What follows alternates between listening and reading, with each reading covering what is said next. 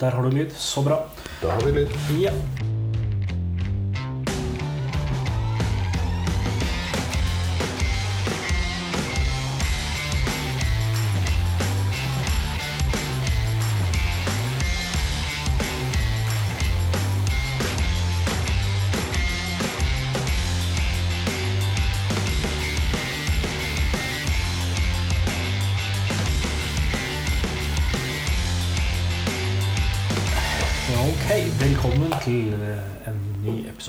Maltprat.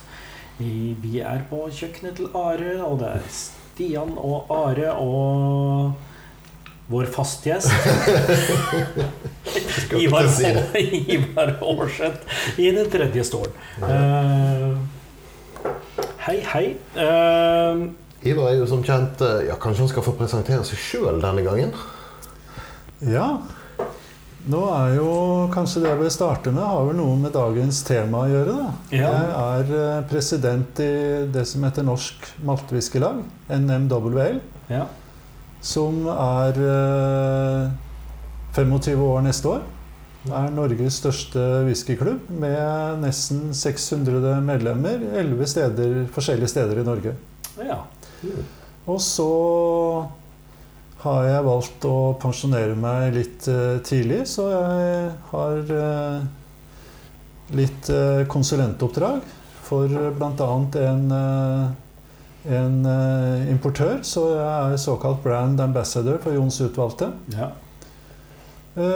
Skriver litt på nettet med både på forskjellige typer sider på, på Facebook, og så har jeg min egen eh, side som heter Ivars Whisky and Food. ja.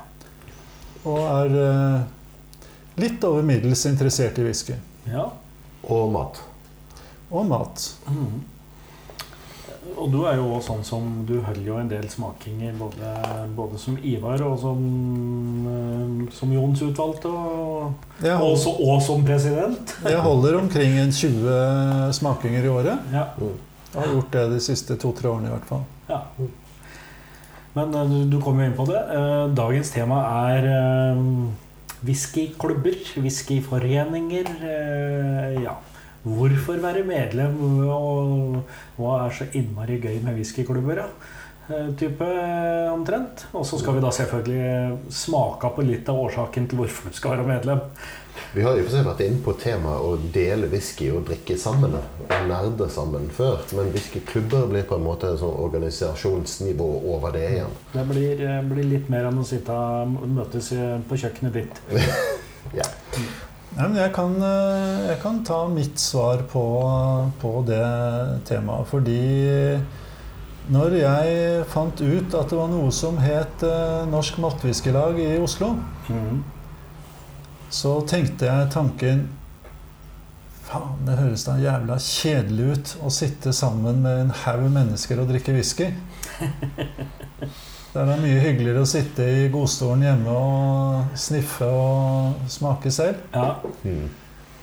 Men eh, så begynte jeg å tenke litt, og så Du sitter jo ikke egentlig sammen med en haug mennesker. Du sitter jo sammen med noen mennesker rundt et bord. Ja. Og har muligheten til å diskutere og snakke med de folkene om uh, whiskyene. Mm.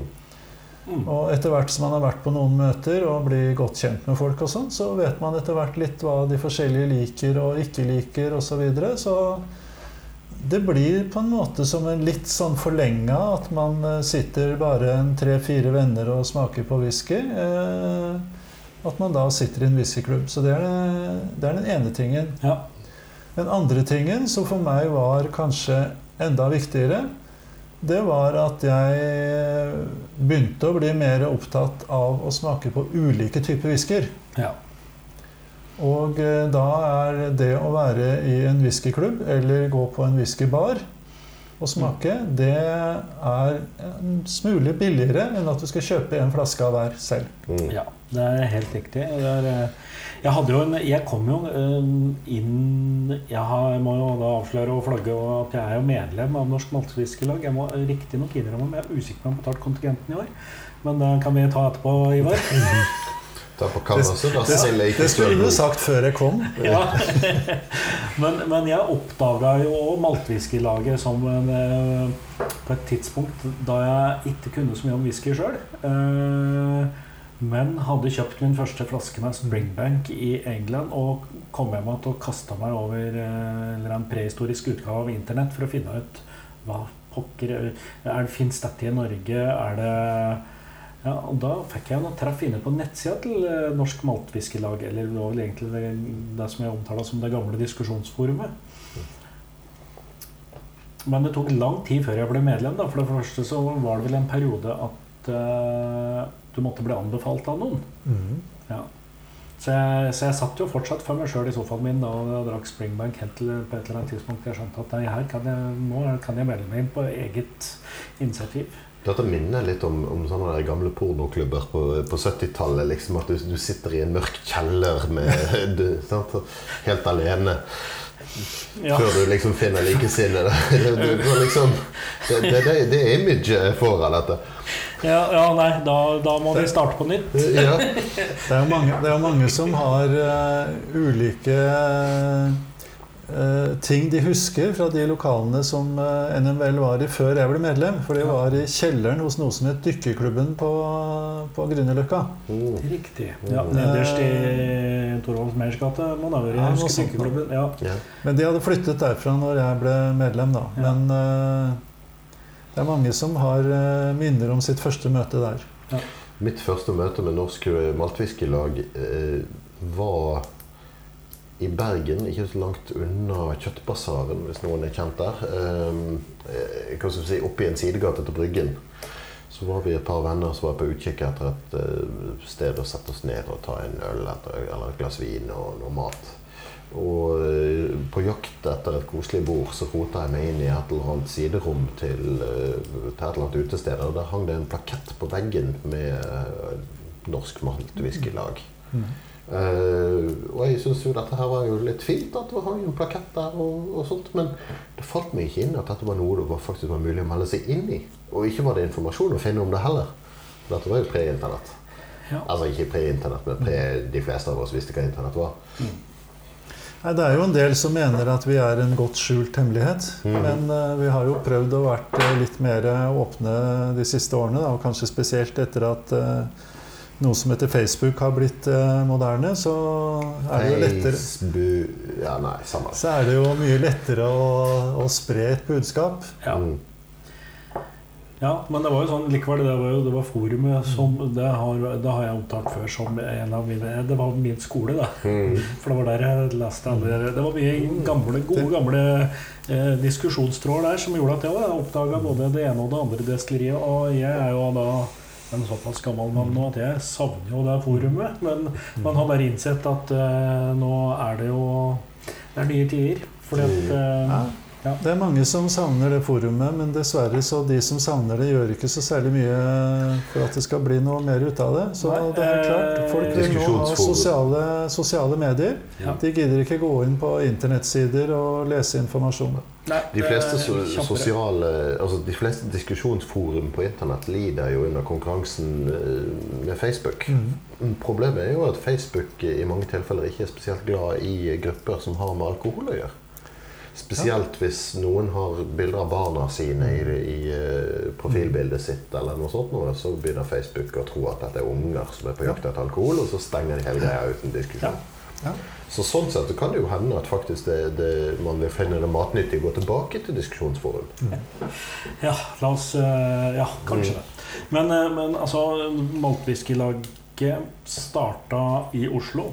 Det ble startet i Oslo i 1995 Ja. Av eh, seks eller syv personer. Ja, og på et eller annet tidspunkt så har jo dette vokst til en slags eh, Eller ikke en slags, en eh, praksis landsdekkende greie.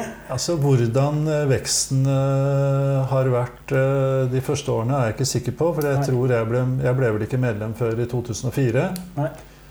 Eh, og da var det jo allerede da møter hvor det var over 50 personer som eh, kom på møtene. Så det er klart det har jo vært en eh, relativt god vekst på de eh, første ni årene. Ja. Eh, men Det som er den største veksten nå, er jo ikke i Oslo, det er jo i form av nye, nye lag. Ja. Mm. Og det man da kan se, er jo at det kanskje er lettere å få store lag i steder utenom Oslo, fordi i Oslo så er det så veldig mange andre alternativer. Mm. Ja. Det finnes andre whiskyklubber, det finnes uh, whiskysmakinger på barer, det Ja. finnes vinklubber, det finnes utrolig mange forskjellige ting uh, som folk kan være aktive i, som har med alkohol å gjøre. Ja. Eh, mens kanskje i noen mindre byer så er det atskillig færre alternativer. Ja, altså bare for å illustrere, vi, vi sitter jo her på, eh, akkurat på grensen mellom eh, Nordstrand og Lambertseter. Grensen går i veien utenfor vinduene her, midt i veien. Og eh, i Abeltsø, som vel er nabodistriktet, der har du Abeltsø Whiskysymposium, som er en slags Ja. egen separat whiskyklubb. Ja. Men det med, ja, for at, ok, nå, vi har jo av en eller annen uh, grunn så har vi jo to landsdekkende organisasjoner. Ja. Med, og der Maltwhiskylaget er eh, Der melder du deg inn som enkeltmedlem eh, i praksis. Ja. Og så har vi da Norsk Whiskyforbund, som er av eh, atskillig nyere dato, men det er, en, er vel egentlig en sammenslutning av eh, små, mindre private whiskyklubber, sånn jeg oppfatter det. Men jeg Det er for så vidt riktig, men du melder deg der også inn i den lokale whiskyklubben. Ja, ikke sant? Ja. Sånn at eh, i begge tilfeller så kan du si det består av lokale whiskyklubber med en overbygning. Ja. Eh, forskjellen er at vi har samme navn, Ja. samme regelverk, Ja. eh, deler de samme ressursene, kan du si, hele tiden. ja. Eh, mens de andre klubbene kan ha, i Norsk Whiskyforbund kan ha, eller har, helt forskjellige eller ulike navn. Ja. Og kan eh, på en måte leve sitt eget liv, bortsett fra det de trenger å tilfredsstille for å være medlem av Whiskyforbundet. ja. Men ja, for det er riktig. Det jeg tenkte, fordi at det er jo en del Du trengte å være en åpen klubb for å være medlem av Whiskyforbundet? Eller? Nei. Nei, ikke sant? Så, Og det er jo noe av årsaken Jeg skal ikke gå inn på det- detalj her, men eh, det er jo noe av årsaken til at man eh, laget Norsk Whiskyforbund. Ja. Fordi vi ønsker å ha en åpen klubb ja. Der eh, både menn og kvinner kan være medlemmer. Mm. Eh, mens da Whiskyforbundet de kan i praksis eh, eh, ta inn klubber som består av bare en kameratgjeng og si vi skal bare være ti mannfolk, ikke Ja. noe mer, Ja. og så videre. ja, sant. Så er eh, Så det er en av forskjellene. Mm. Men en av likhetene da, som vi, vi før nå tenkte, nå tenkte jeg at vi skulle komme litt inn på der vi skal helle i glasset, dagens dobbel. En av likhetene er at det fins eh, egne tapninger fra begge organisasjoner. Ja, Det er jo i og seg et nat naturlig steg å ta. At hvis man er en stor nok interessert gruppe, så før eller senere så kjøper man en tønne og får den tappa på flaske. Ja, Jeg kjenner jo kompisgjenger som gjør det samme. ja, men det er, det er vanskelig Og, altså, Da kan du risikere å sitte igjen med 20 flasker med noe som ikke er, kanskje er så interessant for at du kjøpte et fat eller en gang i tida. Mm. Men eh, det å få tappa egne, egne tapninger, det er i seg sjøl en eh, grunn til å være medlem av eh, Ja. Vi, vi fikk faktisk noen ekstra medlemmer når vi kom med en tapning vi skal smake på om litt. Ja, ikke sant? Eh, jeg tenkte likevel, fordi at jeg har jo, jeg har jo måttet være ute på byen, holdt på si, eller eh, ute på på Facebook. Eh, nå, skal se, nå skal jeg bare sortere litt her. For jeg har sjøl ingen flasker fra Norsk Fiskeforbund, men de er jo oppe i i hvert fall fire tapninger nå. Jeg fant en, fant en fyr som var villig til å hjelpe meg, og det var Gunnar. Han har eh, forsynt meg med noen eh, prøveflasker fra den fjerde tapningen deres. Mm. Som vi tenkte vi skulle starte med i dag. Dette her er eh, en Blair Athol. Eh, tappet av ja, det er en Chieftains Blair Athol, altså da i McLeod er det vel, som eh, er i Chieftains merke. Og så vidt jeg vet, så altså det står Hogshead, men jeg mener ganske bestemt at jeg leser meg til at dette er en bourbon eh, Hogshead og ikke noe sherry Hogshead, som vi har drevet og nevnt uh, muligheten for tidligere. Det husker jeg ikke. Jeg har smakt den bare én eneste gang, så det, det husker jeg ikke. Mm. Nei, og dette er jo en av dine 9000 whiskyer, så det skulle jo litt til om Det er ikke én jeg har vært i, ansvarlig for å velge ut. Nei. Eh, skal vi se. Ja, Da sender vi bare rundt en liten sånn eh, flaske her. Har du en alkoholstyrke på denne? Den har en alkoholstyrke, og det er 57 57 Ja, Blair Athol er jo et koselig destilleri. Både i uh, å besøke og drikke fra. Ja, jeg må innrømme at jeg har ikke smakt veldig mye fra Blair Athol. Jeg. Mm. Jeg har smakt eh, Flora og Fauna, som jeg liksom husker, og så vet jeg ikke egentlig noe mer. Flora fauna er jo en eh, sherrytapning. Ja, veldig Jeg har bare vært utenfor Blair Atoll. Jeg har ikke vært eh, inne og sett. Men det er veldig pent destilleri utenfra. Mm. Jeg har vært på besøk der to ganger. Sist Ja. nå i eh, august, faktisk. Det ligger jo i, i en by som heter eh, Nei. Pitlochry. En gang til. Like utenfor Pitlochry. Og der ligger det et Mm. annet destilleri som kanskje er litt mer kjent, som heter Eldradaur. Mm. Ja. Og Det er vakkert. Det er, Og det er jo et veldig pent destilleri å besøke, for det var et sånn gammelt sånn eh, gårdsdestilleri, kan man jo egentlig si. Og var før mikrodestilleriene begynte, så var det Skottlands minste destilleri. Mm. Ja. De, de driver og bygger ut ganske stort nå. De bygger ut, det vet jeg. Mm. De er jo eid av uh, han som også har uh, Signatory. Mm. Dette har vi vært inne på i en tidligere episode. Ja, ja du, du har vært der, og du er ikke så interessert i whisky til Edradar, men uh, Ja. destilleributikken, fordi at der fikk du tak i Mm. signatortapninger. Ja, der hadde de mye godt. Ja. Men, uh, men uh, Blair Athol eh, er jo et Diageo-destilleri. Mm. Eh, og dermed så får du også en del andre godsaker i butikken Mm. der. Som vi var inne på, en del Ja. flora og fauna-tapning og Mm. en del fra de andre destilleriene sa- som eier. Og, og destilleriet er vel verdt et besøk. De hadde en del interessante ting å by på. Ja. Hvis jeg husker rett, så er vel Blair Athol den eneste flora og faunatapningen som har vært til salgs i Norge. Wow. Akkurat. Ja, det er, det er jo TV, det er, Ja.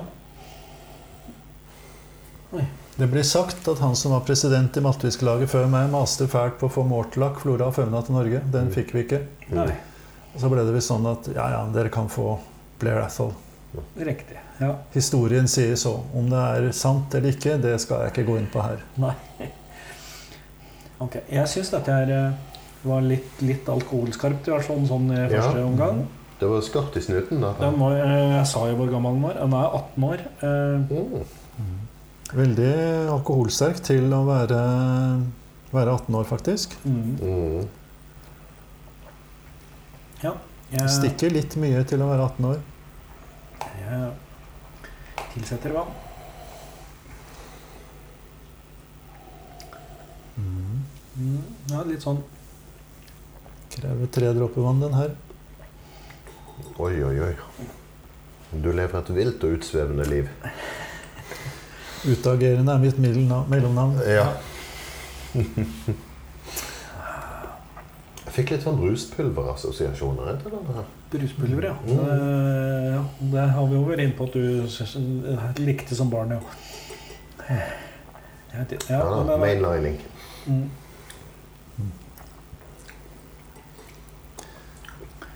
Hva kan si. Den blir jo en eh, Det ble jo en dryg flaske, for den tåler en del vann, den her. Ja.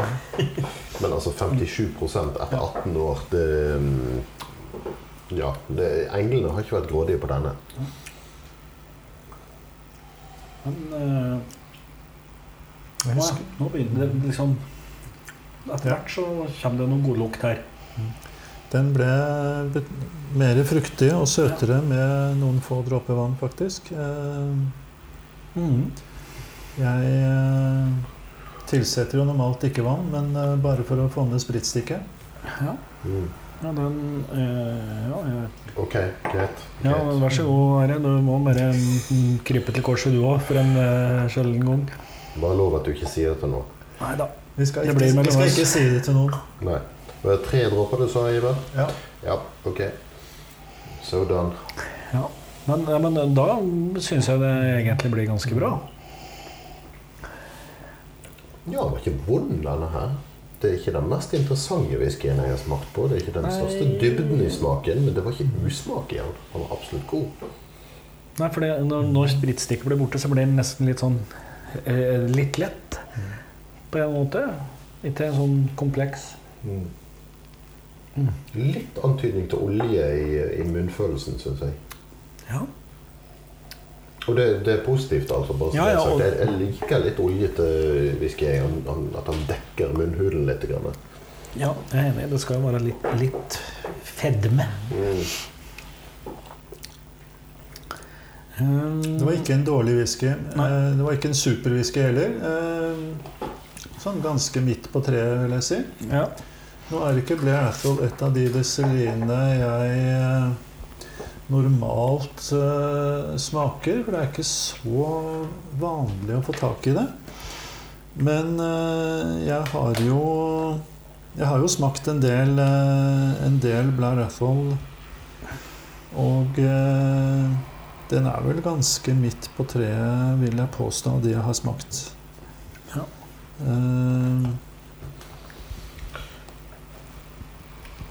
Jeg har nok smakt noen Blair, Blair Athol som har vært bedre enn denne. Ja. Ja, ja, det, ja nei, altså Den ene, eneste jeg minnes, er jo da den uh, Flora Faunaen som jeg fikk servert når jeg ba om en sherrybombe over disk. Mm. Og jeg syns ikke den var en sherrybombe. Flora Fauna har en tendens til ikke å være sherrybombe. Ja, men den er jo, den er jo tydelig sherryprega. Men Mm. den ja. Jeg gjorde en kjapp sjekk i mitt Excel-ark her. Jeg har vel smakt mellom 25 og 30 Blair sånn. Mm -hmm. Jeg har ingen oppe på 9-tallet. Og den jeg har likt best av Blair Atholene, er eh, den som er i serien Rare Malts. Ja, selvsagt. Riktig. Eh, Ja. Ikke uvanlig, ville folk si som kjenner meg. Nei, vi har jo prata Vi smakte en Real Maltz i en eller annen episode for Ja. um, lenge siden. Det var vel en Royal Brackler Red Ja. Maltz, tror jeg. Og det, ja, det er jo det er jo et eller annet med de det, det er ikke så lett å få tak i dem lenger. Det koster litt. Ja, Mhm. ja jeg tipper ja. Ja. jeg hadde jo hadde en del av dem, men eh, de er nok åpne alle sammen. Men står godt forvart på 20 cm, det som var igjen av rester. Et lite arkiv, det må en jo ha. Jeg har smakt Flora Faunaen ser jeg her når jeg sjekker notatene mine. Jeg ga den 86 av 100. Der ser du. Ja. Ja, Det jeg kan si om den her, da, er at den faktisk er fortsatt er i handelen. Ok. Mm. Fordi at eh, etter, jeg regner med at det er etter at uh, Whiskyforbundet hadde fordelt blant sine medlemmer de som var interessert i tapningen, så gikk resten til polet. Mm. Så den fins i bestillingsutvalget der. Den her. Ja, jeg tar resten, du, Are. Ja. um, Mm. den eh, ligger nå på ca. 1400 kroner. Jeg husker ikke helt prisen, men en eller annen plass mellom 1400 og 1500. Som jo ikke er en urimelig pris for en 18 år gammel singelkask-tapning. Ja. Vil ikke påstå det, Nei, nei. jeg tror, eh, jeg tror Whiskyforbundet sier at de vil ha 150 flasker. Og det er klart at uh, hvis det er en eh, vet, Nå husker jeg ikke om du sa det var en barrier eller en hogshead. Nei, det Men var en hogshead. Ja, og en hogshead vil jo gi en god del mer enn 150 flasker. Så Ja. Hvis hele fatet har kommet til Norge, så høres det logisk ut, det du Ja, sier. ja Mm. jeg det- tror det. Ehm, skal vi da prøve Vi går baklengs da i tapninga til uh, Vi har òg en eh, ja, Det må være lov å si at det er en raring. Eh, Norsk Whiskyforbund sin første tapning er en Glendronach. eh, og det er jo ofte forbundet med tung, tung eh, sherrybruk. Eh, I dette tilfellet eh, not so much. Eh, dette her er eh, noe som har ligget på bourbonfat i åtte år, og så har det en fire år lang finish på Barolo rødvinsfat. Fire år finish er jo litt uvanlig. Ja. Mm. Der, men, det er ikke, men det som er mest uvanlig, mener jeg, det er at den har ligget på Barolo-fat. Ja. Det er ikke det, som du sa, det er ikke det Glendronach er mest kjent for. Nei. Nei. Nei, det er jo en av de klassiske sherrytunge whiskyene. Ja. Eh, Sa du noe om alkoholstyrke på denne? Nei, eh, men jeg kan godt si det. 55,9. 55,9. Eh, Jeg har da jeg, jeg har ikke et så veletablert arkiv som det de to sitter med, men jeg, har, jeg husker bare to tapninger jeg har drukket som har ligget på Barolo fått tidligere.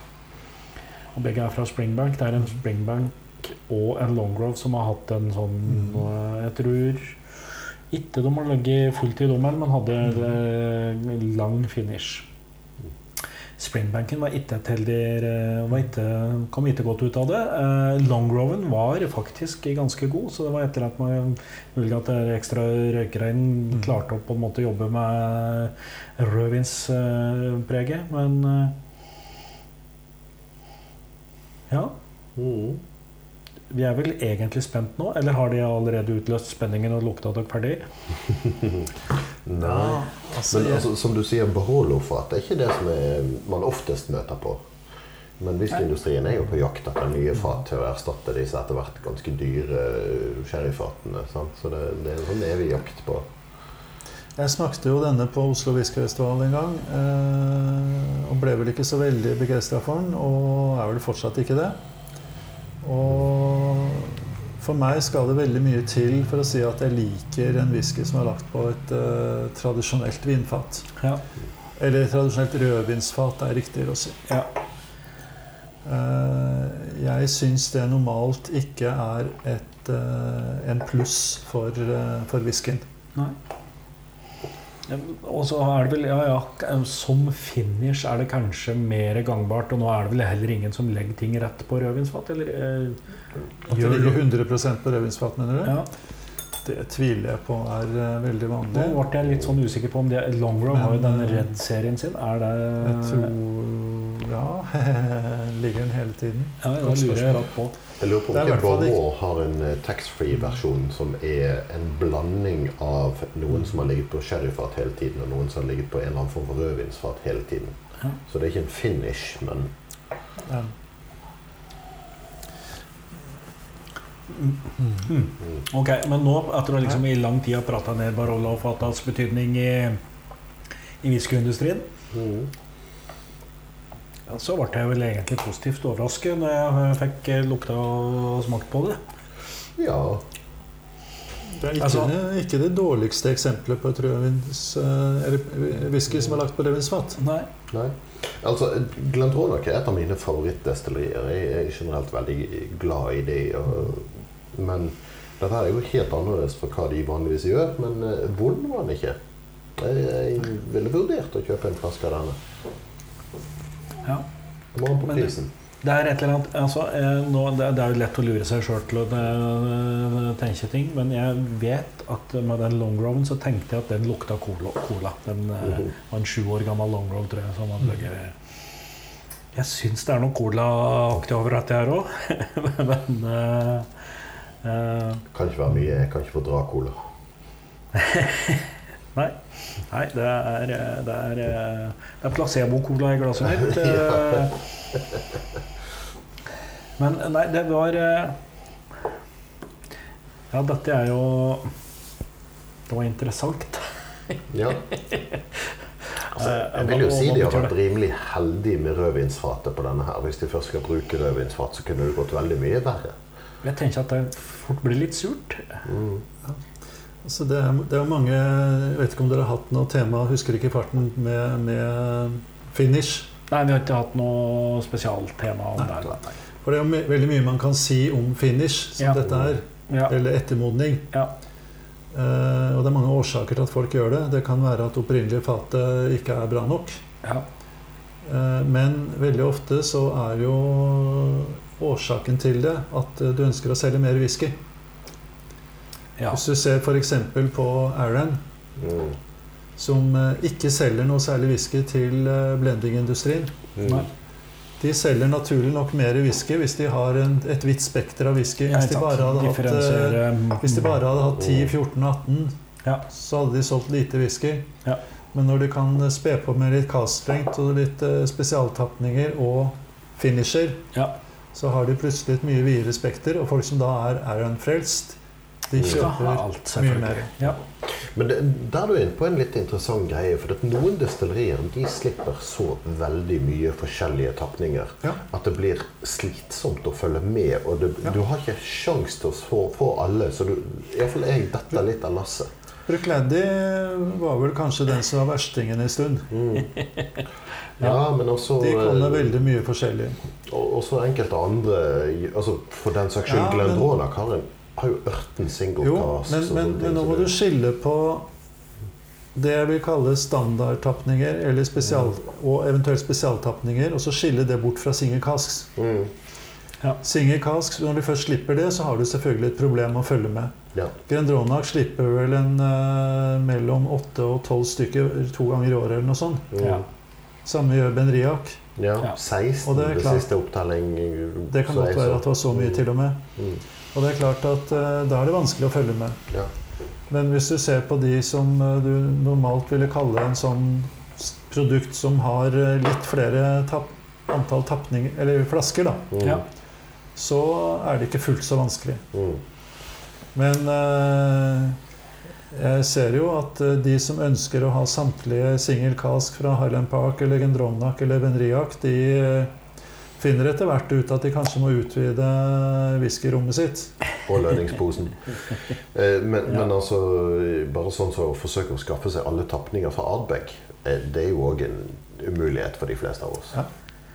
Jeg kan jo nevne da, at jeg har sannsynligvis nærmer meg nå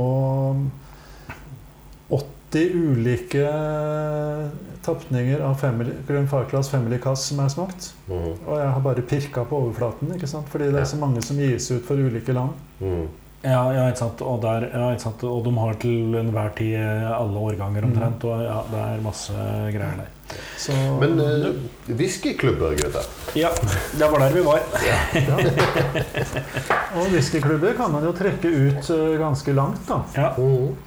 Og den neste vi skal smake på, er jo en som jeg kjøpte i Skottland, faktisk. Ja. Nærmere bestemt i Campbelltown. ja. Eh, og der har man jo faktisk eh, to whiskyklubber som eh, er interessante. Og det vi skal smake på nå, det kommer da fra Springbank Society.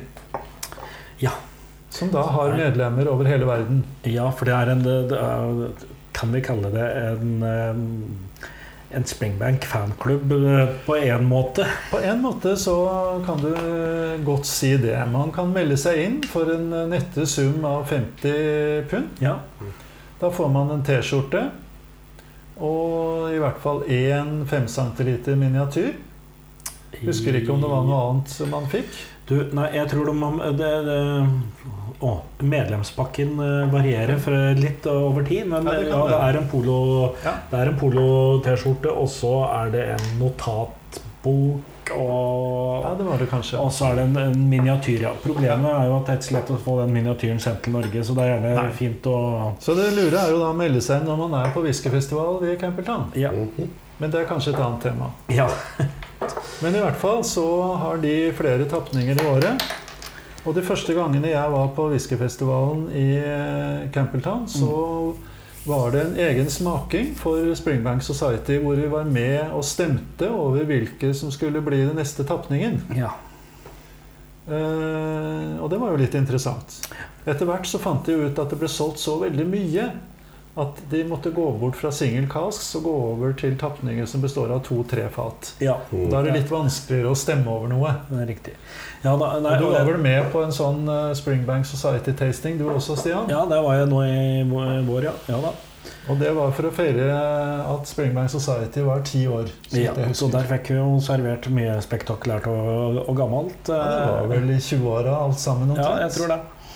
Men eh, eh, ja, og det kommer Er det to, to ganger i året det er en sånn en som er en medlemstapning, tror jeg.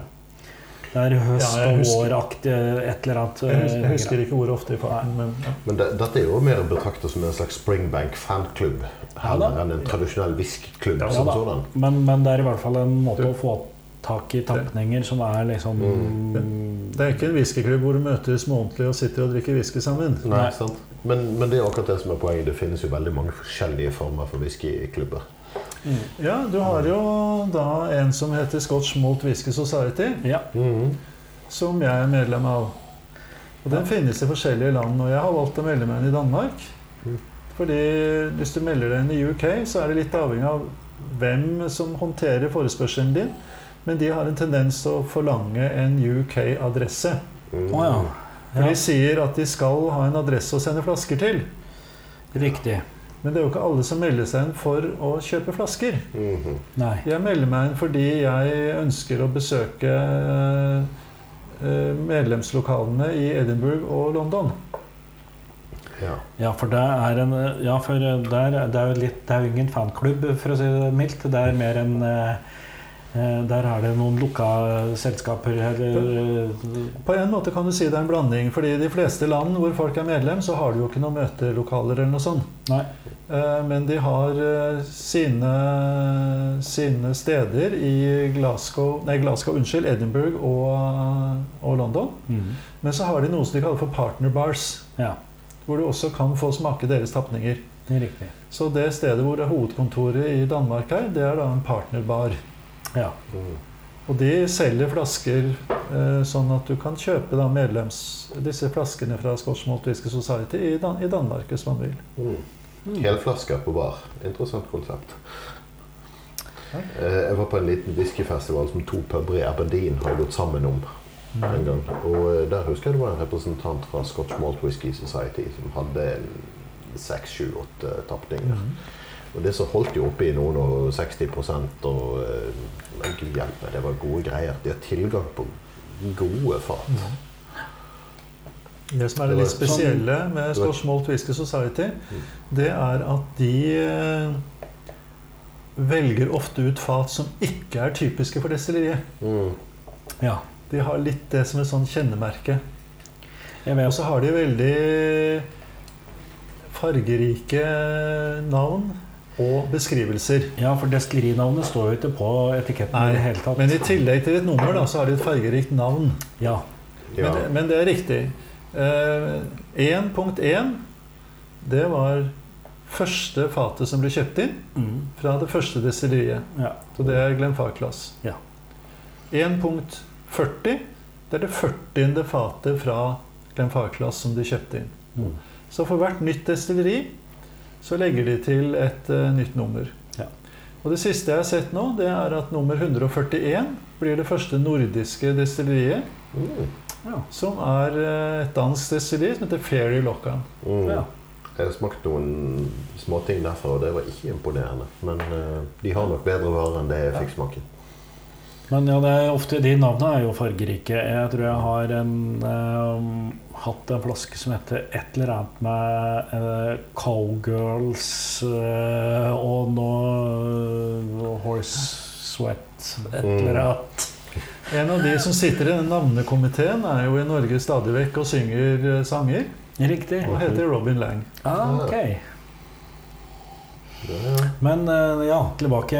Det er Hazelburn i glasset. Mhm. Som jo er Springbank sin uh, upita greie, trippeldestillert, som vi har prata om tidligere. Mhm. Men her er vi vel òg da på Er det en finish, eller er det en Vet du det? Jeg tror det er Jeg tror det der er en finish. ja. Eh, Det er i hvert fall Refill Sautern Hogshead.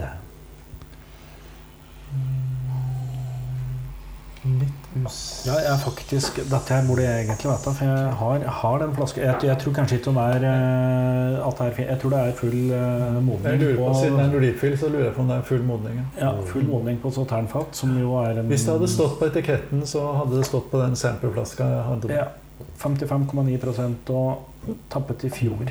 Ti år. Mm. Så Det som, da, det som da jeg har gjort, siden vi nå snakker om eh, flasker fra sånne klubber, Ja. Det er at jeg bestilte denne Mm. fra Norge, for den kom da rett før whiskyfestivalen i Campertown. Ja. Og ga beskjed om at denne plukker jeg opp i Cadenhead-butikken i Campertown. Ja. Med andre ord ingen frakt osv. Så videre, sånne ting. Bare normal toll når jeg Reisetoll, for å kalle det det, når jeg Ja. kom tilbake igjen. Mm. Ja, jeg har òg henta sånne flasker i Cadenhead-butikken i London. Ja. Så du kan få dem sendt dit og hente Ja. Jeg har gått på en liten smell ved å gjøre noe sånt på uh, Dufton Whisky Shop. Mm. Der jeg hadde forhåndsbestilt uh, to, uh, to flasker til henting i butikken. Og det viste seg uh, en uke før jeg dro at begge to kom på polet til en lavere pris enn de hadde i Skottland. Ja, Og så måtte jeg betale toll i tillegg på hjemmeveien. Det var litt surt. Jeg kan ikke vinne alltid, Are. Nei. Men jeg Hvis jeg aldri sløser vekk mer penger enn det der i mitt liv, så skal jeg være fornøyd. Jeg syns jo at det her var en eh, Nok en gang en interessant whisky. Det er ikke den eh, beste Hazelburn jeg har smakt, men, eh, men eh, jeg syns ikke den er dårlig heller.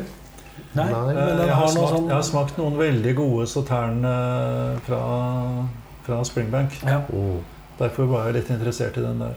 Men den her er litt sånn Er det nesten sånn eh, eh, lanolin? Eh, et eller annet litt sånn Ikke ull, men ja, den, den, den, gode delen av ull. Understandsbehandling på bil er det du er ute etter, altså? Eh, ja, kanskje det. Da bruker de jo lanolin i Ja.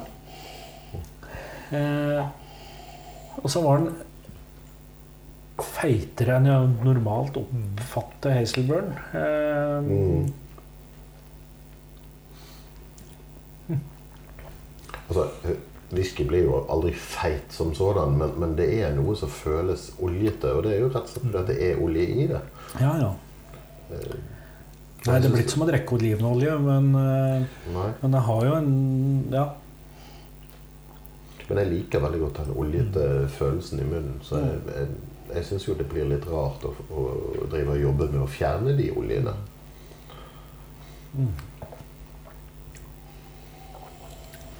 Nei, Men uh, sautern er jo eh, Det er jo en veldig sånn søt eh, dessertvin som du av og til får anbefalt til ost og sånt på restaurant. Dette er jo det kjente norske tettstedet Sauternes. Sauternes, ja. Mm. Um, et, så eh, får du i Frankrike anbefalt til eh, eh, gåselever, andeleverpaté. ja. Mm. Litt sånn feit eh, ja. Jeg, jeg kan tenke meg det vil passe til en del oster òg. Blåmuggost, f.eks. Mm. Ja. Det var eh, Ja, det var interessant. Eh, Skal vi nå bevege oss over på det mm, På en, en flaske som skal sprattes i dag, og den er det eh, jammen jeg som har tatt meg med. Nå skal jeg bare teste det, det, På baksida her, Ivar, Mhm. så står det 'Tasting Notes'. Ja. Uh-oh. Eh, Dette her er jo en tapning fra Norsk Maltfiskelag. Det er tapning nummer eh, Står ikke der, kanskje? Eh, Nummer fire. Mm. Kom i 2016. Du har jo vært med og båret ut det fatet her. ja. Jeg regner med at du har vært med og skrevet de tasting-notesa? Ja. Ja. Husker du dem? Nei. Nei. Nei, så du, nei men da, da du, du har ikke lyst til å prøve å gjette en gang? Eller har du lyst til å, hva, hva tror du om den her flaska her? da? Det en, Jeg tror den er jævlig god. ja, det er en Ben Benriac eh, 1998-årgang eh, som har ligget 18 år på fat og kom til Norge i, eller ble tappa på flaske i august i 2016. Jeg kan si litt om eh, utvelgelse og sånt nå, av Ja. Destillerier og fat og sånn. Ja. Da kanskje folk skjønner litt. Grann, eh, jeg er jo for så vidt hovedinitiativtakeren, men uh, vi diskuterer jo i styret. Mm. Uh, og den jeg kanskje støtter meg mest på, er jo han som da er min uh, visepresident. Ja. Som heter også det klingende navnet Are. Ja, Kommer faktisk- kommer merkelig nok fra Bergen òg. Faktisk også bergenser. Ja. Hva?! Men han sitter ikke i rommet her. Nei. Og akkurat den tapningen der var litt interessant, for vi bestemte oss da for Benriak. Snakket med importøren, selvfølgelig. Og vi eh, Det sammenfalt da med at eh, eh, en representant fra destilleriet var på whiskyfestivalen i Bergen. Mhm. Så jeg snakket veldig mye med han. Og Benriac hadde veldig strikse regler for hvordan etiketten kunne utformes. Det var veldig Ja. lite vi kunne gjøre med frontetiketten, f.eks. ja. Vi kunne gjøre litt mer med baketiketten. Mm. Eh, det vi også gjør, er at jeg ber om eh, om eh, fatprøver fra tre-fire ulike fat, sånn at vi kan eh, ha noe å velge på. Altså forskjellig årgang osv. Eh, Da er vi i hvert fall to som smaker. Eh, Du kunne ikke sagt en 15-20 når du først var i gang? altså sånn bare for... Kunne selvfølgelig sagt det for å få opp antallet whiskyer jeg har smakt, men, eh, men eh, Det er ikke verdt å strekke strikken for langt, tenker jeg. Nei. Mm. Men så hvor mange vi fikk der, husker jeg ikke, men i hvert fall tre. Ja. Så smaker vi på. Vi bestemmer oss for hvilket fat vi syns er best. Eh, Mm. hvis det da prismessig er ok. Og så skriver eh, Are og jeg smaksnotater. Ja. Og så merger vi de sammen, sånn at det blir litt sånn felles eh, smaksnotat. Ja. Eh, og det som jeg videre gjør, er at jeg lager et eh, et Hva skal jeg kalle det? Et infoark om tapningen med smaksnotater og info, all info om tapningen, som sendes ut sånn at alle medlemmer kan få, slik at de kan bestille. Mm. Og så vet vi da hvor mange, mange flasker vi, vi kan få av det. Og når folk bestiller, så må jeg da sitte og Eller har bestilt, så må jeg sitte og fordele det i forhold til hvor mange medlemmer er det i hver klubb. Ja. Så det er ikke sånn first come, first served blant alle medlemmene. Nei. Men det er sånn at øh, jeg får det til å gå opp. Og vanligvis så går det ganske, ganske greit opp ved at øh, folk ikke kan bestille mer enn én eller to flasker hver, avhengig av hvor mange vi har fått. Ja. Eh, I Så noen det er- tilfeller så har man vært nødt til å ta noe loddtrekning blant de som har bestilt to hver, sånn at det kan gå opp. Ja, hvis det er 400 en sånn medlemmer som er interessert, og det er, noen har bestilt to flasker hver, og så er det 300 flasker tilgjengelig, sant? så Ja, altså Nå har jeg jo akkurat sittet og gjort den eksersisen med den vel nummer syv, hvor vi fikk 276 flasker, og det var 289 flasker bestilt. ja. Ja. Mm. Da er det ikke en veldig stor eksersis, men jeg må sørge for at det blir noenlunde likt. Mm. Og det var noen som hadde bestilt tre og fire flasker, og ved å kutte ut det, så kom jeg i mål. Ja, det er sant. Eh, ja, jeg kan, eh, jeg kan komme tilbake til tasting notesa på baksida her etterpå, fordi at uh, uh, Ja, men gitt vi, vi kan for det, Sa jeg hva det, hva det løgger på? Dette er en barrel, og det står ikke her hva, hva som er før på den, men det må vi vel regne med at det er bare bourbon. Ja, jeg tror vi kan med god sikkerhet si det. Ja. Eh, og den har eh, 57,4 Jeg smakte denne igjen i januar og fant ut at det var et veldig veldig, veldig hyggelig bekjentskap. Benriac generelt gjør veldig mye spennende og interessant, og, og godt, ikke minst. De har gjort det, i hvert fall eh, mens det var eid av eh, Billy Walker og co. Mm. Eh, jeg håper at de fortsetter å gjøre det med nye eiere. Eh, og jeg kan ikke se noen grunn til at de ikke skulle gjøre det, siden de har fått en veldig erfaren eh, eh, person som velger ut fat og tapninger og sånn, som heter Rachel Barry. Mm. som jeg har veldig stor respekt for. Ja. Ja. Alt tyder på at hun Så- har veldig god smak. Og jeg har smakt noen av de nye, både Benriac og Glendronach som har kommet, og det, jeg syns det ser, kjennes veldig, veldig bra ut. Ja. Jeg tror jeg har to åpne Benriac-flasker i, i skapet mitt for øyeblikket. Eh, og begge to er veldig hyggelige bekjentskaper. Men dessverre så er det ikke så veldig mye interessant Benriac tilgjengelig på polet nå. Jeg har ikke sjekka noe særlig hva det er som finnes. Nei, vi har jo vår jo- Vi prater om det i nesten hver episode, Are, men er den nye tiåringen som er en sånn bang for buck-favoritt Mm. etter at vi smakte på den. Det var jo en del som kom med litt sånn negative kommentarer, siden det er eierselskapet til Jack Daniels som har kjøpt eh, Benriac, eh, Glendronach og Glenglasso. Ja. Men eh, på samme måte som de japanske firmaene som eier eh, skotske destillerier, så, så sant de ikke blander seg inn i den daglige driften, så er det ikke sikkert at det er noe problem. Da betyr det mye mer hvem er det som sitter og bestemmer eh, utvelgelse av fat, og hva Ja, ja. de skal gi ut. ja, altså de, de kjøper jo ikke de destilleriene for at det skal smake Jack Daniels stadig i framtida uansett, eh, liksom. Så Mm, det- lite trolig. Ja. Mm. Men eh, ok, skal vi kjøre, skal vi kjøre en liten tasting notes-bingo her? Eh, Are, eh, får vi se om du klarer å treffe fasiten, da. Nå sier jeg når jeg sitter med den i hånda. Hva lukter det? Mm.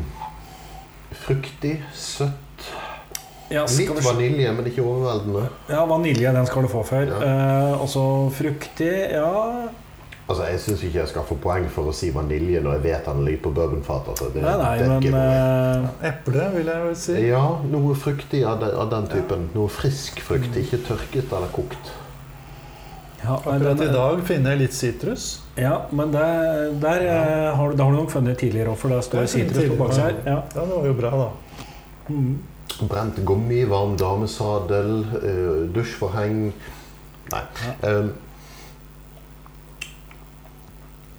jeg får litt sånn eh, Ja, jeg skal ikke si bruspulver igjen, men litt sånn fizz-feeling på tungen. Jeg kan tenke meg at jeg kan ha skrevet krydder. Det har du. Ja.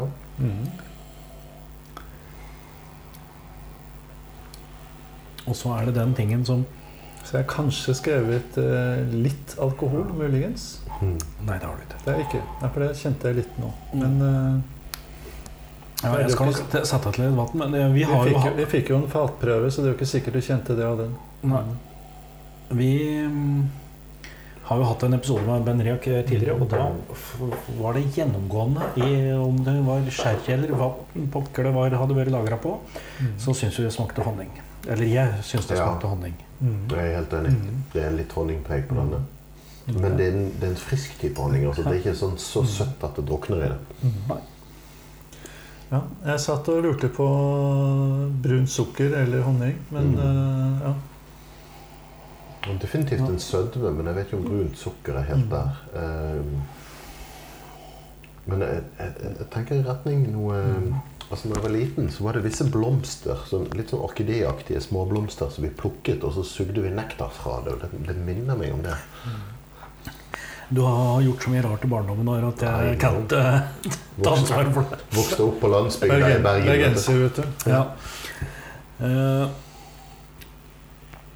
er de interessert i fasit, da? Vi er jo, vi er, vi har jo tydeligvis Vi har eh, funnet noe, da. Ja, Det var tropisk frukt, vanilje, kokos.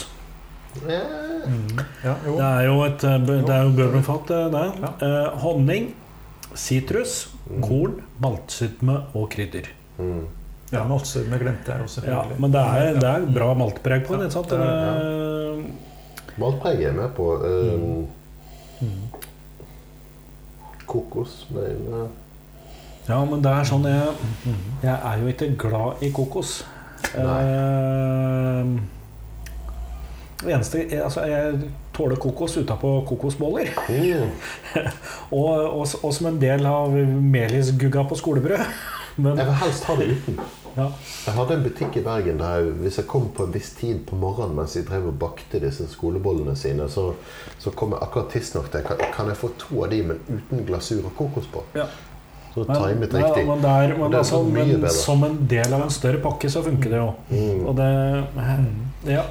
Og det, smaken her har eh, eh, anslag av tropisk frukt, sødme Mm. og honning, så det, er jo, det henger jo sammen. En Korn, frokostblanding. Jeg er ikke så glad i verken kokos eller tropisk frukt, og jeg er veldig glad for at jeg ikke finner det i denne. For denne likte jeg. Mm. Ja. Men, Men det er jo interessant eh, altså, hva vi- som står bakpå her. Altså, nå vet vi hvordan den er produsert.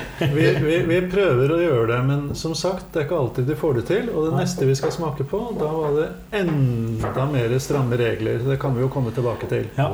men den, denne her er tropisk frukt. Jeg kan faktisk strekke meg litt til sånn kandisert mango. Hvis du har kjøpt sånn mango som egentlig ikke er tørket, Ja. men som er kandisert. Ja. Det mener vi Ja, litt om jeg, ser den. Men det er en tropisk frukt. eh, Ja, ja, ok, okay greit. Gi meg. Men uh, nei, jeg syns det her er faktisk uh, er, det var en veldig, veldig vellykket tapning. Dette er jo min type whisky. Kan avsløre såpass. Jeg er helt enig. Denne, denne var veldig god. Um, Mm. det, det er jo selvfølgelig var den god. Den er jo ikke å få på polet lenger. Nei. Denne ble solgt ut med en gang. Ja, ja. Alle de siste vi har hatt, har blitt solgt ut eh, med en gang. Ja. Oh. Jeg tenkte, Det står vel ja, et sant antall flasker er 173. ja. Og det er 600 medlemmer cirka, var det også? Ja, Vi var nok ikke fullt så mange da. da. La oss si vi var 450 på den tiden. Og så én til to flasker. Ja, nei, men eh, ja. Jeg fikk bare én, flaske. jeg. jeg, pga. begrensningen, eh, så jeg endte jeg opp bare med én flaske sjøl. Ja, det gjorde jeg òg. Jeg fordeler ikke mer til meg sjøl enn til andre. Nei, skal vi Men nå har vi jo hinta om den neste par ganger. Eh, det er jo da ja, det, det, Are hadde en inngang som at det, dette destilleriet her har jo begynt med en overflod av eh, Sånn, ja. Det skal låte. Eh, det har kommet mye singelkasktapninger fra dette destilleriet de siste tre, kanskje fire åra. Ja. Jeg tror jeg har smakt en Ja. 15-16 av de i alle fall. Har du sagt navnet? Nei, jeg har ikke sagt det ennå. Da skal vi da si som følger at jeg har en sånn liten mistanke om at årsaken til at det er så mange singelkasttapninger fra akkurat destilleriet, er at et annet destilleri eid av samme firma nettopp har eh, åpnet et helt splitter nytt destilleri, Ja. som er rimelig kjent. Ja, jeg tror, og der tror jeg du har eh, godt rett i. Eh, Nå kan vi, nå kan vi gjerne avsløre det. Du, du prater om Macallan, som akkurat har åpna på nytt. Ja, Ja. Så, og da er jo dette her Ja, det blir jo søsterdestilleri, da. Det er eh, Highland Park, som er Ja. eid av Edrington. Ja. Og det her var en litt morsom historie, hvis vi tar oss tid til den. Ja, Ja. Fordi jeg fikk da en melding fra eh, brand ambassador Martin Markvardsen Mm. om NML var interessert i en tapning av single kask Highland Park, og jeg sa selvfølgelig ja. Han har for øvrig eh, sagt ja til å være gjest en gang i fremtiden. Vi eh, forsøker neste gang han er i Norge, men det er litt usikkert om vi får det til. ja. Han kommer jo til eh, Dr. Jekyll snart. Nettopp. Og så uh, fikk jeg da beskjed om at vi fikk ikke hele fatet. Nei, riktig? Uh, vi får heller ikke kalle den NMVL. Nei. Hmm.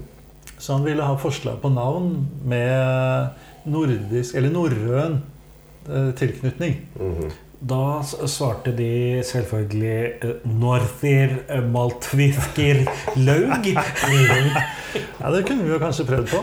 Men eh, vi hostet opp en del navn da, Ja. som vi syntes var gode og greie. Og så kom de selv med Kaupang. ja. Mm. Og det er jo for så vidt eh, greit nok. Det var vel en eldre by enn Tønsberg, som regnes som Norges eldste by i dag. Ja. Eh, så det er jo helt greit. Kaupang var vel så- også Betydde ikke det sånn generisk samlingssted eller Jeg er ikke sånt? sikker på den opprinnelsen, men Nei. det var i hvert fall eh, Det lå jo ved havet i sin tid. Det var jo en, eh, det var jo en by og et samlingssted. Mm. Men i hvert fall så igjen så tilbød vi jo da den til medlemmene som kunne bestille inn. Og eh, husker ikke i farten hvor mange vi solgte ut, men resten kom i hvert fall da på på eh, Vinmonopolet i eh, spesialslippet i 2018. Mm. Ja. ja, det stemmer. Ja, og det, så det kan i teorien hende at det finnes igjen noen flasker ute i noen Det kan nok fortsatt tenkes at det Ja. finnes, ja. Fordi vi snakker jo nå faktisk om 552 flasker. Så vi snakker jo om et betydelig høyere antall enn på Benriac. Ja. Mm. Og her står det jo ikke noen smaksnotater. Her står det rett og slett bare Kaupang som navn. NMVL står ikke nevnt. Det var en del medlemmer som reagerte litt på det. Og så står det navnet Kaupang bakerst. Så det er ikke noe som i utgangspunktet tyder på at det er en NMVL-tapning. Men som jeg sier, vi hadde førsterett til det. Vi Ja. kunne bestille Mm. før den var uh, allment tilgjengelig. Ja. Og eh, blant de eh, som virkelig var entusiaster, så var det jo mange som bestilte. Mm. Nå kom det jo to tapninger omtrent samtidig til Norge, og det var jo kanskje på en måte litt dumt. Fordi eh, vi har jo denne denne Vintersols- Vintersolsnu ja. som kom eh, i desember, og så kom denne i eh, månedsskiftet januar-februar.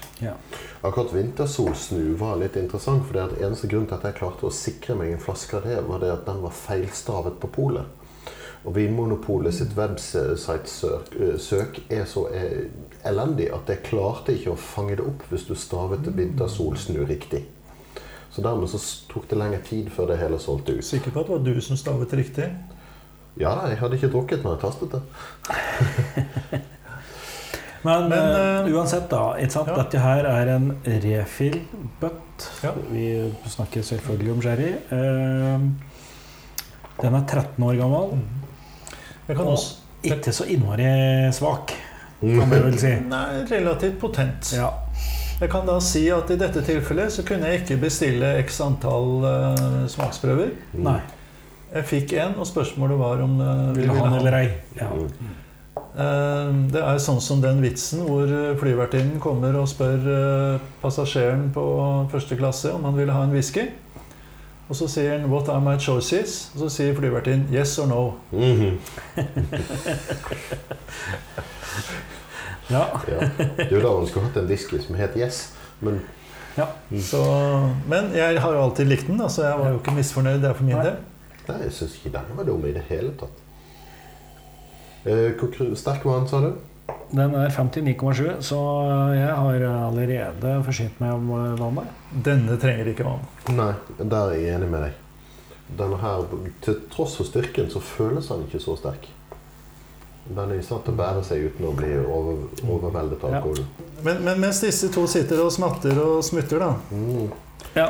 så tar vi et lite Folk kaller det et folierykk, da, men altså jeg tar, den jo, tar jo folien veldig forsiktig av, da. ja. Et litt sånn forsiktig rykk. Så tenkte jeg å avduke en til, men Ja. eh, vi er kanskje ikke helt ferdig med Nei, jeg, jeg, bare sånn, jeg syns jo Det er jo en veldig sånn typisk Highland Park på en måte. Dette. Altså det, er, det er kanskje ørlitt mer røyka enn jeg oppfattet dem til vanlig. Ja, men jeg syns dette var en av de bedre. Jeg, som sagt, jeg har smakt en god Ja, jeg, jeg, disse- jeg, sa ikke at den var dårlig for dem jeg satt sa at den var røyka. Nei. Men, men eh, disse single-caskene Jeg kjøpte på, på et eller annet punkt en uh, hva var det, 14-15 uh, prøver Ja. av forskjellig. Og jeg syns kvaliteten varierte ganske mye på det. I, Ja. i, I det store og hele så var den veldig god, men, men det var noen som falt litt igjennom. Ja. Og dette her er definitivt på plussiden av snittet, vil jeg si. Jeg tror jeg har smakt røftlig 25-30 Mm. av disse spesielle singelkaskene. Mm. Fordi jeg har byttet til meg en del samples. Mm. Og eh, de fleste av dem, de absolutt fleste av dem, de har samme kjennetegn fordi de er sherrybaserte. Mm. Mm. Eh, de er kraftige, Ja. de har høy alkohol, Mm. og de er 13-15 år. Ja. Mm. ja. ja. Så ikke dermed sagt at de er like, Nei. men de har samme likhetstrekk. Mm. Noen er kanskje first fill, og noen er refill. Ja, ja, og der Men tenker det jeg er- er, det er positivt med at dette er en refill. Ja. tenker jeg. Men jeg har ikke smakt noen som er dårlige, bortsett fra én. Som jeg syns var, eh, var svovla. Mm. Ja, men jeg, jeg, jeg, jeg det, var det, Men jeg svovel og svovel eh, for å. Jeg, jeg syns det er noe ved denne her som er Men det er eh, av og til så skiller folk mellom god og dårlig svovel. Når jeg sier svovla, så tenker jeg alltid på dårlig svovel. Ja, ja. At, men det er et eller annet her som minner meg om noe litt sånn kruttlappaktig. Eller, altså, men ikke sånn Og det er nesten bare First Fill Sherry som jeg ordentlig får den kjipe svovelen fra, syns jeg. Men eh, nå har du Vørstad funnet en, eh, et sånt, er en bonus eh, Ja, vi må kalle det en bonus. Vi kaller det en bonusdram, gjør vi ikke det? Ja, Ja, Som om dagens dobbel ikke var utvannet nok eh, Ja. som begrep, altså. Så som begrep. men nå eh, har vi smakt på to eksempler som er veldig forskjellige fra, av disse NML-tapningene. En Ja. sherry, en bourbon. Ja. Og da gjenstår det jo kanskje bare én ting, da. Ja. Og det er den derre øya som heter Islay, er det ikke det? Islay, ja. Ja, der har jeg hørt om har mye bra whisky. Ja. Ja. Så, Jeg drikker nesten bare Island-whisky. Ja. Ja. så nå skal vi smake noe fra et, eh, en tapper som heter Warehouse Number 8. Tapperen heter Warehouse Number 8. Og det, det er er jo en såkalt veldig- independent bottler. Ja, Og den den er tysk. Og den Ja. har jeg truffet på i, på Whisky Fair i, i Limburg. Og det er en norsk importør da, som eh, importerer fra disse. Den tapningen her kaller Anam An Ayla. Mm. Det er en såkalt undisclosed distillery. Ja. Det vil si at de får ikke lov til å si hvor den kommer fra. Eh, Men vi er vel i samme noenlunde potente nivå siden den er 58,5. Riktig. Eh, Men det er en betydelig yngre whisky. Jeg spurte og fikk vel beskjed om at den var ca. syv år, tror jeg. Ja, men det står heller ikke Det står ikke på, for det var en del det, det er den etiketten vi har hatt med definitivt minst informasjon. Ja. Så med det sagt så er det en ganske intrikat etikett med mye stæsj på. ja. Kart over Ayla, blant annet. Mye stæsj og lite info. Og etiketten er formet som et Glencairn-glass. Så- ja. Og det er en small batch, som betyr at det ikke er fra ett fat, eller? Det er en del informasjon vi ikke har fått. Eh, Flasket 11.11.2017 i alle fall. Ja. Så ja ja, eller nei, dette er interessant, for det står cask strength small batch. Og så står det single cask bottling number five Ja. for Norsk Maltwhiskylag. Jeg sjekker lista mi, og vi har fått oppgitt at den er syv år. Det, da husket jeg rett. Så, men i hvert fall så har vi også fått oppgitt at det er en single cask, Mm. Mm. Ja. Så kan man jo diskutere da hvorfor tappe noe som vi ikke vet navnet på. Det er klart at eh, det har jo noe med pris å gjøre. Mm. ja. Man, eh, en såkalt uavhengig tapper kan tappe whiskyen rimeligere hvis de ikke oppgir destillinavnet i noen tilfeller.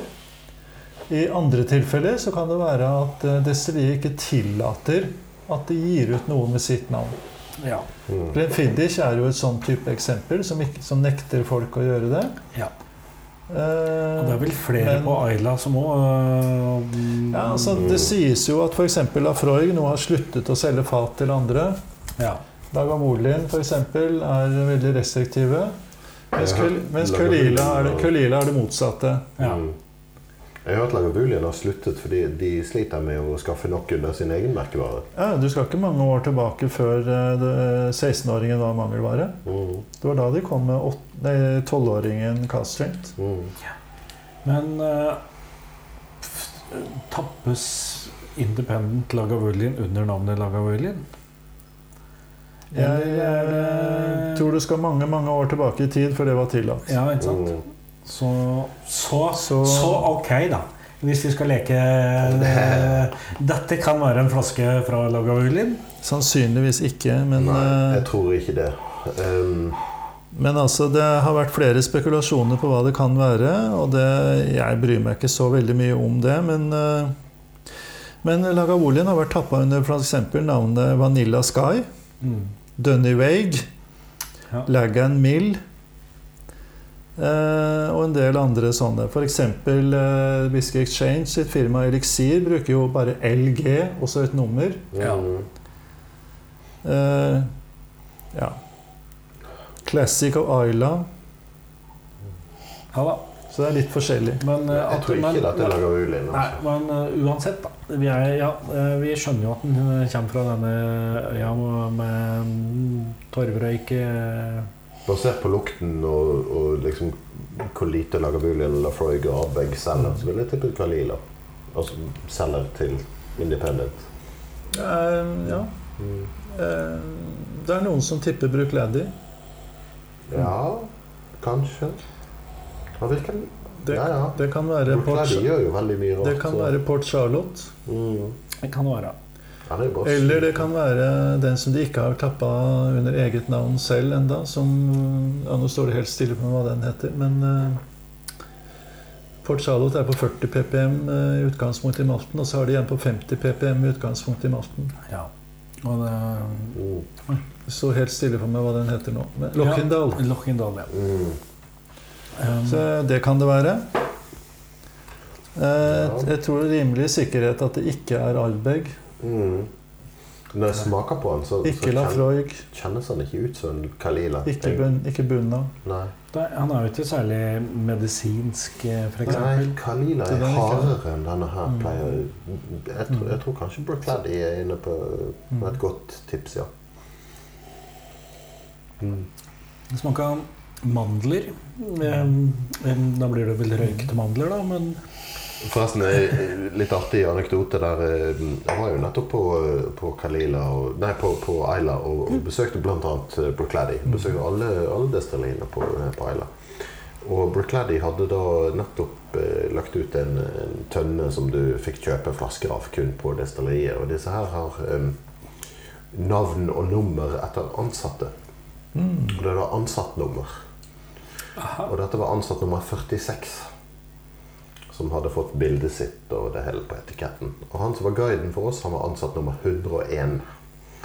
Så han fant ut han var, han var nødt til å være ansatt i en del år til før han fikk sin egen tønne. Ja, det er hardt. Mm. Men ja, dette er jo sånn Det er en ung røyka whisky fra Aila-type. Helt, helt grei. Ja, den solgte helt ut med en gang. Ja. Det vi, fikk, vi, fikk ikke, vi tok bare halve fatet. da. ja. Hva skjedde med resten? Eh, norske importøren tok en del, i hvert fall. Jeg vet ikke om de tok hele. Mm. Så du, det er ikke så lenge siden du fikk kjøpt Anna Manayla med en litt annen etikett. Mm. ja, på, ja riktig. Ja. Skal vi gå over til ratingen her, eller? Ja, Det ble en lang episode, dette, men det kommer an på hvor mye jeg klipper etterpå. Are. Jaså, ja. Sensur? Nei, når de oh ja, nei, der må prater prate om bare boble, da Mm. Har du tenkt å klippe i visdomsordene våre? Nei. det- Nei til visdomsorda. Nei, akkurat. Det ble en kort episode. Ja. Chieftains Blairthol, 18 år. Ja. Den får av meg 6,5. Det var akkurat det samme jeg hadde tenkt å si. Ja det, av og til så er det jo fint når vi er rørende enige, tenker jeg. Mm. 6,5. Ja. Norsk maltwhisky Nei, Norsk eh, Whiskyforbund sin Ja. første tapning, nummer én, Glendronach 12. Den får en renstrøken syver av meg. Den får også 6,5 av meg. Det er, som sagt, eh, vindfinish, ikke min stil. Ja, jeg, ja, jeg holder meg opp på 6,5 der. Det var, eh, dere går i utakt, begge to. Ja, eller Ja. No, noen kom i utakt her. Ok. Springbank eh, Society fra Sauternes. Ja. Det er ikke min favoritt, men, eh, men jeg vil strekke meg til 7,5. Oi! 7,5, ja. Jeg, jeg bremser litt og ligger på 7. 6,5. Ja, ikke sant? Gjennom, Gjennomsnittet av denne tabellen her kommer til å være 6,5289. Ja, eh.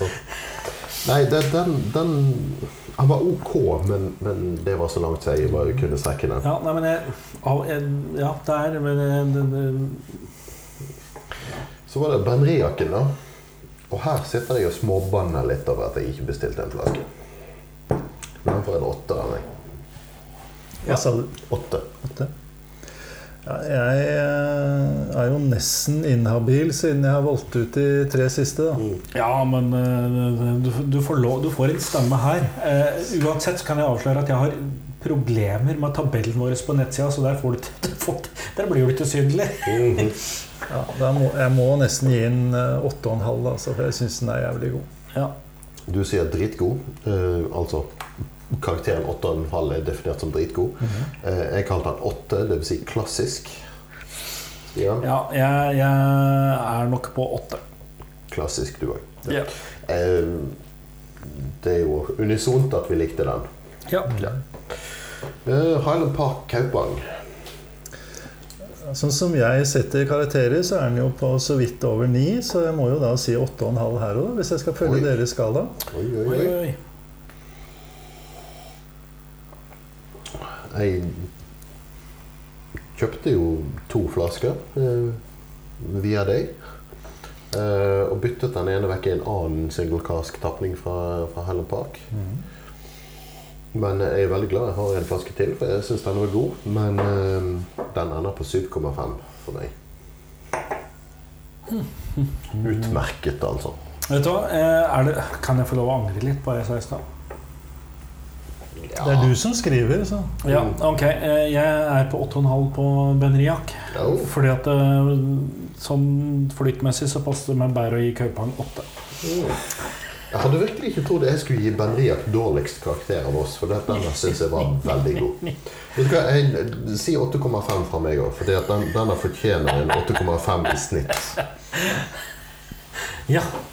Sånn er det man gjør det når man eh, gir kvalifiserte meninger om uh, whisker. Så Kaupang 7,5 fra meg. 7,5, ja. Ikke sant? 7,5 har vi da definert som utmerket. Utmerket. Og det var den absolutt. Ja. Ja, De som kjenner meg, vet jo at eh, røykvisker er jo ikke helt det som jeg foretrekker best. Så selv om jeg har valgt ut den eh, siste også, så sier jeg syv. Mm. Der er vi helt på nett. Den får en uh, blank syver fra meg. Hm. Men denne minner meg om altså Jeg er veldig glad i spekemat og røykt eh, Ja, kjøtt og skal- ost og sånt. Og den, denne her gir meg litt sånn kippersfølelse. Og mm.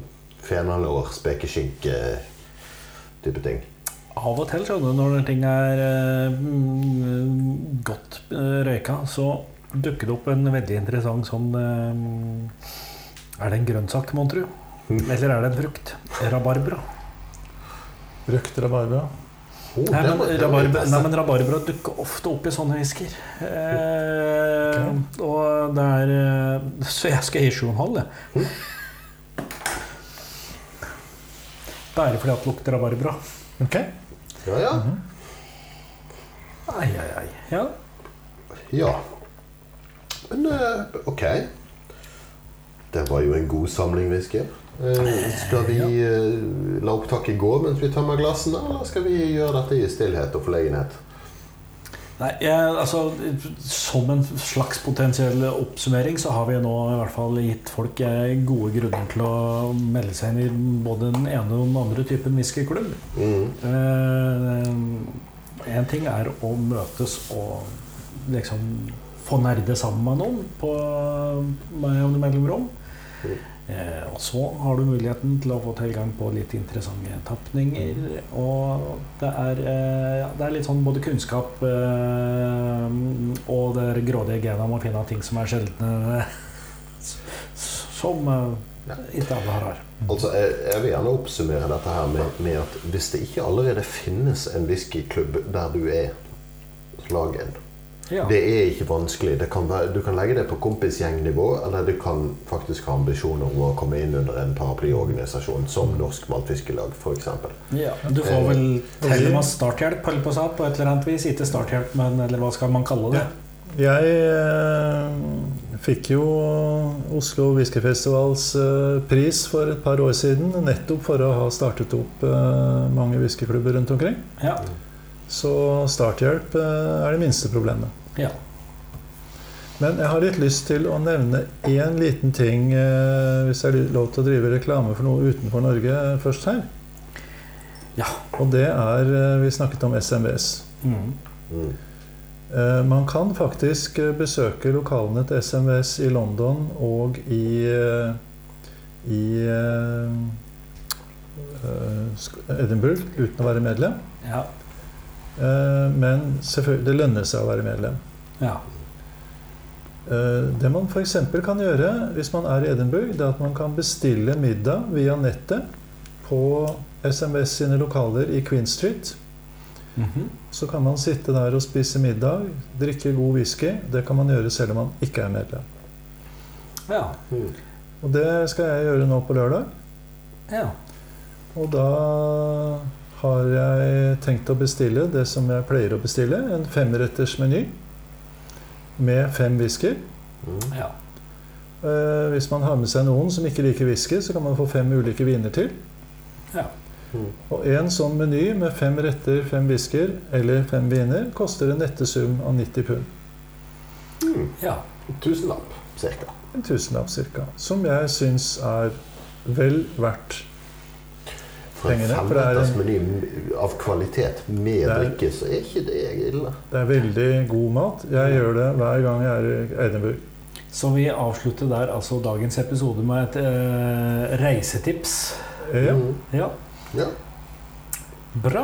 Eh, jeg skåler i Hazelburn. Skål i hva dere vil. Men eh, husk e-postadressen vår. Smalt, hovedkontoret på maltprat.com og Instagram og alt det der greiene der. Og hvis folk ønsker å kontakte Norsk Maltfiskelag, hva gjør de da? Ja, De kan sende til ivar.nvl.no f.eks. Mhm. Eller ja. så er vi noe som heter Facebook. da. Ja, og De fleste, de fleste vet nok hvem jeg er. nettsider og diverse. Det er bare å søke og google og alt det der. Skål, da. Skål! Slanger.